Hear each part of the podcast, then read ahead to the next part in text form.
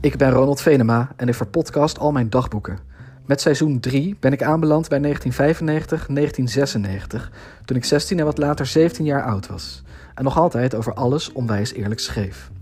In aflevering 27 vertel ik over mijn liefde voor Sarah, zonder H op het eind. Over de zomervakantie met vrienden op Texel, waar we één café niet meer binnen mochten. En richten we een nieuwe band op. En wie wordt de zanger?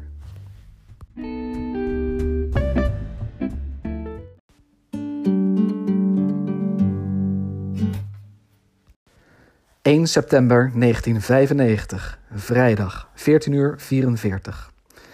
Ik heb de vorige bladzijde, zoals je kunt zien, in dit dagboek helemaal zwart gemaakt met stift, omdat het een zwarte bladzijde moest zijn. Ik heb heel lang niet geschreven in mijn dagboek, vandaar die zwarte bladzijde. Maar de bladzijde is ook zwart om mijn teleurstelling in de liefde een plek te geven in dit dagboek. Ik las net terug wat ik bijna twee jaar geleden heb geschreven over tongen met Babette. Ik dacht toen echt dat er iets moois ging komen met haar. Nou, mooi niet. Ik heb haar een dag na ons tongen nog een paar keer gebeld. Ik kreeg de hele tijd haar moeder. Na iets van vijf keer bellen kreeg ik toch Babette aan de lijn. Ze zei dat ik moest kappen met bellen, want ze vond één keer tongen met mij wel weer genoeg. Ze klonk onvriendelijk. Ik voelde me een soort van misbruikt. Het ging Babette echt alleen maar om mijn tong. Ik was teleurgesteld in Babette, maar ook in de liefde in het algemeen. Maar die zwarte bladzijde van niet schrijven en van de teleurstelling in de liefde heb ik nu dus omgeslagen, maar ook echt. Babette is hartstikke voorbij. Ik was toen 15, wat wist ik nou helemaal? Ik ben nu 16, ruim 16. Deze maand word ik zelfs al 17. Zo hard kan het gaan. Van tongen is het sinds Babette niet meer gekomen, al denken mijn vrienden volgens mij dat ik echt nog wel daarna heel wat afgetongd heb. Dat is niet zo, maar ik laat ze dat graag denken. Ik heb wel twee borsten gevoeld. Twee van dezelfde persoon, één meisje. Ik wil liever niet zeggen van wie die borsten waren of zijn. Oké, okay, onwijs eerlijk, het waren die van Nicolien. En dat zijn ze nog steeds. Zij was altijd wel een beetje verliefd op mij, vooral in de tweede. Ik niet op haar, nooit. Dat kwam vooral door haar onaantrekkelijke mond met dat enorme gebit erin. Dat maakte tongen met haar erg onaantrekkelijk. Maar vorig jaar op een feestje van een klasgenootje, Patricia, was Nicolien ook aanwezig. Ik bleef een beetje uit haar buurt. Dat hele feestje liep uit de hand. Ze zeggen dat Jessica zelfs lag te neuken in de kelder met een oudere gast. Ik weet niet of ze condooms hebben gebruikt, maar Jessica is niet zwanger geraakt en ook niet aan aids gestorven, dus dat is dan goed afgelopen. Intussen werd ik best wel dronken op dat feestje. Ineens zat ik midden in de huiskamer, toch naast Nicolien. We praten wat. Ik dronk nog maar een biertje. Op de bank tegenover ons zag ik Klaas liggen tongen met de jarige Patricia. Zijn hand zat onder haar blouse. Nicolien zag dat ook. Ze lachte, pakte mijn hand beet en liet die ook zo onder haar blouse verdwijnen. Uit het niets zat ik ineens aan borsten. Eigenlijk dacht ik eerst vooral, als we er maar niet bij gaan tongen. Maar ze liet me zonder tongen over allebei haar borsten wrijven. Relaxed. Ik zat er op mijn stoel niet echt lekker voor. Aan de andere kant van Nicolien zat een gast die ik niet kende. Die ging aanwijzingen geven hoe ik dit het best kon aanpakken. Hij moedigde me vooral aan om onder haar BH te komen, maar echt lekker lukte dat niet. Ik geloof wel dat ik uiteindelijk één van haar tepels heb aangeraakt. Nicolien leek niet erg opgewonden door mijn gevrijf. Ze keek eigenlijk maar een beetje om haar heen, alsof ze de bak met chips en nootjes zocht of zo. Terwijl ik zo onder haar blouse zat te vroeten en die gast naast haar zei dat ik misschien ook wel met mijn hoofd onder haar blouse kon om aan haar tepels te zuigen, waarvan ik toen dacht, ja, dat kan nu ook wel, zag ik plots op de klok dat het al bijna half drie was, in de nacht. Ik moest eigenlijk om één uur thuis zijn van papa en mama. Of nou ja, vooral van mama. Snel heb ik mijn hand teruggetrokken, mijn jas aangetrokken en ben ik op mijn fiets gesprongen. Twee straten verder zag ik onze Nissan Bluebird rijden. Die hadden we toen pas net gekocht. Mijn moeder zat achter het stuur. Ze deed het raam naar beneden door op het knopje te drukken. Onze Nissan Bluebird heeft namelijk elektrische ramen. In onze vorige auto's moest je helemaal zelf de raampjes opendraaien. Dat was veel werk. Nu gaat het dus elektrisch, koel en minder werk. Mam keek woest. Ze zei dat ze niet wist waar ik precies uithing, waar dat feestje was. Ze had zich zorgen gemaakt. Ze stond zelfs op het punt om de politie te bellen, maar was toch maar eerst zelf gaan zoeken. Nu ze me gevonden had, moest ik linea recta naar huis. Dat zegt ze altijd als ze boos is. Dan moet ik ergens linea recta naartoe. Meer Latijn dan linea recta spreekt ze denk ik niet. Volgens mij heb ik alleen maar staan lachen. Ze kon natuurlijk niet weten dat ik echt net iets heel bijzonders had meegemaakt. Ik had aan andermans borsten gezeten. Tieten van een meisje. Hallo, hyper de piep, hoera hoor. Mama schudde haar hoofd, drukte weer op het knopje van de elektrische ramen waardoor die omhoog zuisde en reed weg. Ik moet wel eerlijk opbiechten dat dit de enige keer is dat ik aan borsten heb gezeten. Ze voelde erg goed, ook al waren ze van Nicolien. Ik had er best nog een keer aan willen zitten, maar dan had ik met haar moeten afspreken en dan zouden we waarschijnlijk eerst moeten tongen en dat zag ik echt niet zitten. En zonder tongen meteen aan haar borsten gaan zitten, dat gaat volgens mij niet. Dat is ook een beetje lullig voor haar. Dan lijkt het net of ik haar alleen daarvoor kom opzoeken. Wat dan ook wel zo zou zijn, maar dan is het wel heel erg duidelijk dat ik alleen voor de lust ga en niet voor de liefde. Lust en liefde zijn echt twee heel verschillende dingen. Lust kan ik volgens mij bijna met iedereen, maar de liefde, die voel ik nu voor maar één persoon. Sarah. Ja, dat schrijf je zonder H op het eind. Oh, Sarah, zonder de H van hartje. Hartje bons bons voor Sarah. Dankzij haar heb ik nu wel definitief de zwarte bladzijde van de teleurstelling in de liefde omgeslagen. Ze weet waarschijnlijk nog niet van mijn liefde voor haar, maar ik kan het niet heel veel langer verbergen. Ik zit vol met verliefdheid voor Sarah. Nog even en dan ontplof ik en zal mijn liefde voor haar over de stoep van haar woning druipen.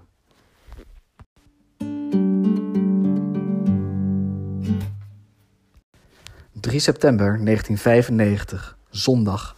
12 uur 56. De zomervakantie is nu echt bijna voorbij. Het was een gave zomervakantie, vooral omdat ik met Dion, Ferry, Klaas en Leo naar Texel ben gegaan. Nathan mocht niet mee, want hij had huisarrest omdat hij aan het begin van de zomervakantie was opgepakt. Typisch Nathan, hij had na het uitgaan tegen een politieauto staan pissen. Dat was niet zo handig, zeker niet omdat er in de wagen gewoon nog een agent zat. Maar met z'n vijven was het op Texel ook erg fijn. We hadden twee tentjes. Het was wel een beetje een suffe camping. We waren de enige jongeren. Voor de rest waren er alleen maar oude mensen met caravans en voortenten en weet ik veel wat. Maar toch ging het best goed. De oude mensen deden ochtends zachtjes en wij fluisterden s'nachts meestal als we terugkwamen van het uitgaan. In één kroeg op Tessel mochten we niet meer komen. Dat was mijn schuld. Ik was er misselijk geworden. Hun wc was boven. Ik rende de trap op, maar redde het net niet tot de play. Ik heb de trap ondergekotst. Het was een rotzooitje en erg smerig. Dat vond de barman ook. We moesten alle vijf oprotten en niet meer terugkomen. Hij was een zagrijnige barman, maar ik begreep ook wel dat hij ons liever niet meer wilde zien. Tegelijkertijd, wie zet de wc's nou helemaal boven neer? Misschien heeft hij er wel van geleerd en kan hij zijn café een beetje verbouwen, zodat de wc's gewoon beneden zijn. Dat scheelt een hoop troep. Gelukkig heeft Tessel meerdere kroegen, dus dat maakt voor ons verder niets uit. Op een andere nacht fietste ik alleen met Klaas en Dion terug naar de camping. Het werd alweer licht, maar toch zagen we ook de maan. We vonden hem erg groot en rood. We waren erg dronken. Ik bedenk nu pas dat het misschien ook wel de zon kon zijn geweest. We gingen midden op de weg zitten, daarna even liggen. Texel is een heerlijk rustig eiland waar geen reet gebeurt. Je kunt er gewoon midden op de weg gaan liggen. Dion zei dat we een band moesten beginnen, dat vonden we een goed idee. Dion op de bas en Ferry en ik op de gitaar, net als toen we nog in Vies Haar speelden. Met die band zijn we aan het eind van vorig jaar gestopt. We hebben iets van drie keer opgetreden. De laatste keer was een optreden voor mensen met een of andere handicap. Het was best druk, ongeveer 25 man. De meesten hadden volgens mij een geestelijke handicap. Eén gast stond de hele tijd recht voor ons podium. We speelden nummers van de scene en van Trucker naar Kerks en van de Dijk. Sommigen klapten als we een nummer hadden gespeeld. Die gast vooraan klapte in elk geval het hardst. Soms sprong hij er zelfs bij. Heel mooi om te zien hoe mensen echt geraakt kunnen worden door je muziek. Jorg, onze zanger van toen, vroeg op het eind van ons optreden aan die gast of hij misschien een nummer wilde horen, het laatste liedje. Die gast had wel een verzoekje, iets van Metallica. Jorg zei dat dat niet ging. Hij zei: We spelen alleen Nederlandstalige liedjes. Toen wilde die gast heel graag De meeste dromen zijn bedrog. Een ongelooflijk ruknummer natuurlijk, maar we hadden het stiekem toch ook al eens geoefend, dus we speelden het voor onze grootste fan van die avond. De hele tent begon meteen te dansen. Zo gaaf.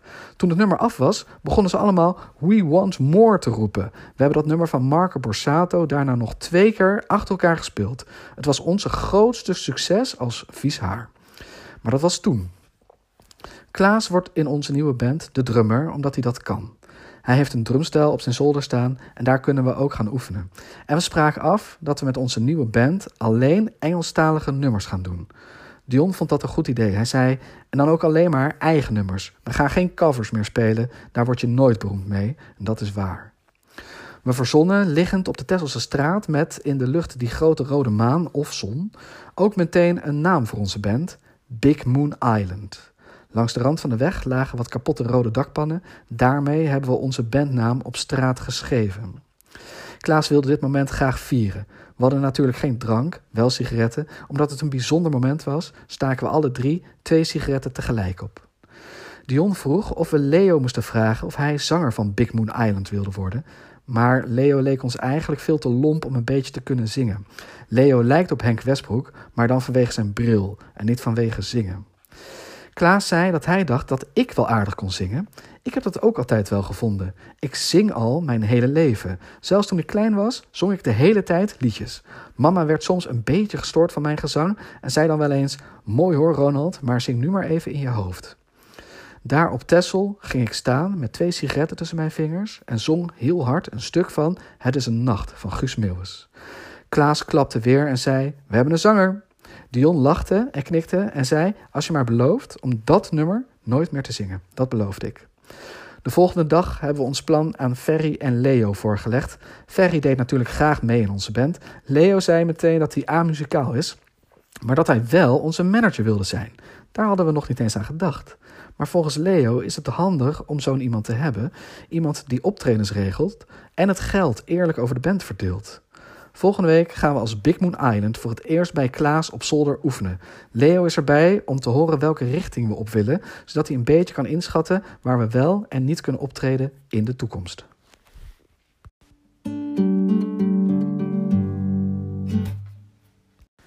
...7 september 1995, donderdag, 16 uur 29.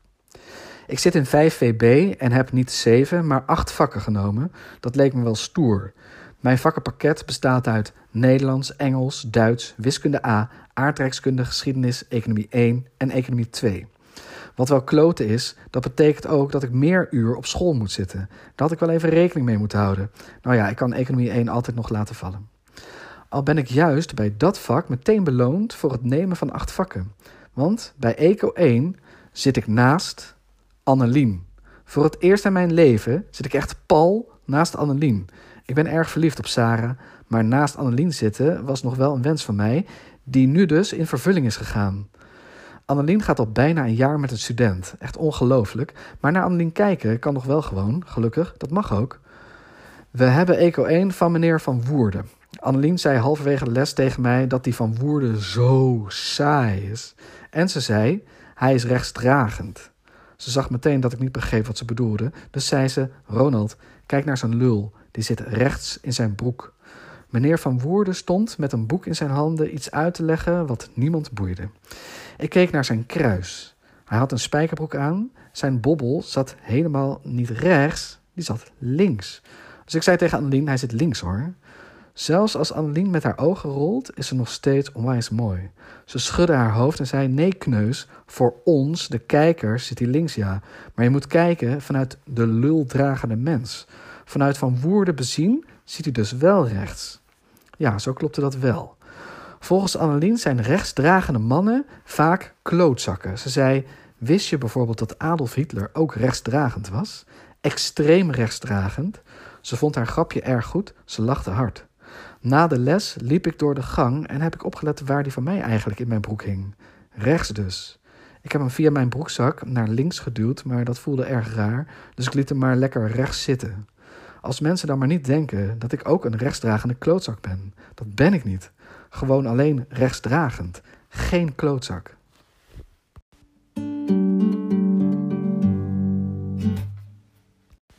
...10 september 1995, zondag, 21 uur 54. Vanmiddag voor het eerst geoefend met Big Moon Island... ...bij Klaas thuis op zijn zolder. Ik heb nog geen microfoon. Ik heb wel geprobeerd om boven de gitaren en de bas en de drum uit te komen, maar dat lukte niet echt. Ik ben nu een beetje schor, maar daar merk je in mijn dagboek natuurlijk niks van. Leo was er ook. Hij zei dat we zo snel mogelijk een microfoon voor mij moesten regelen. We vroegen of dat, dat misschien een taakje was voor hem, als manager. Leo zei: Ja, dikke lul, dat moeten jullie echt zelf regelen. Ook het zusje van Klaas kwam er tijdens het oefenen bij zitten. Ze zei dat het echt goed klonk. Ze heet Marleen, ze is 14 en heeft een goede muzieksmaak en best wel grote borsten. Nathan zei laatst dat hij daar aan heeft gezeten terwijl hij huisarrest had en wij op Tessel zaten. Ik vroeg of hij serieus was. Hij zei: Ja, man, heb je niet gezien hoeveel seksappeal Marleen heeft? Ik heb vanmiddag bij het oefenen eens goed gekeken naar Klaas' zusje en Nathan heeft gelijk. Marleen heeft onwijs veel seksappeal. Misschien moet er een streepje tussen seks en appeal later nog even opzoeken.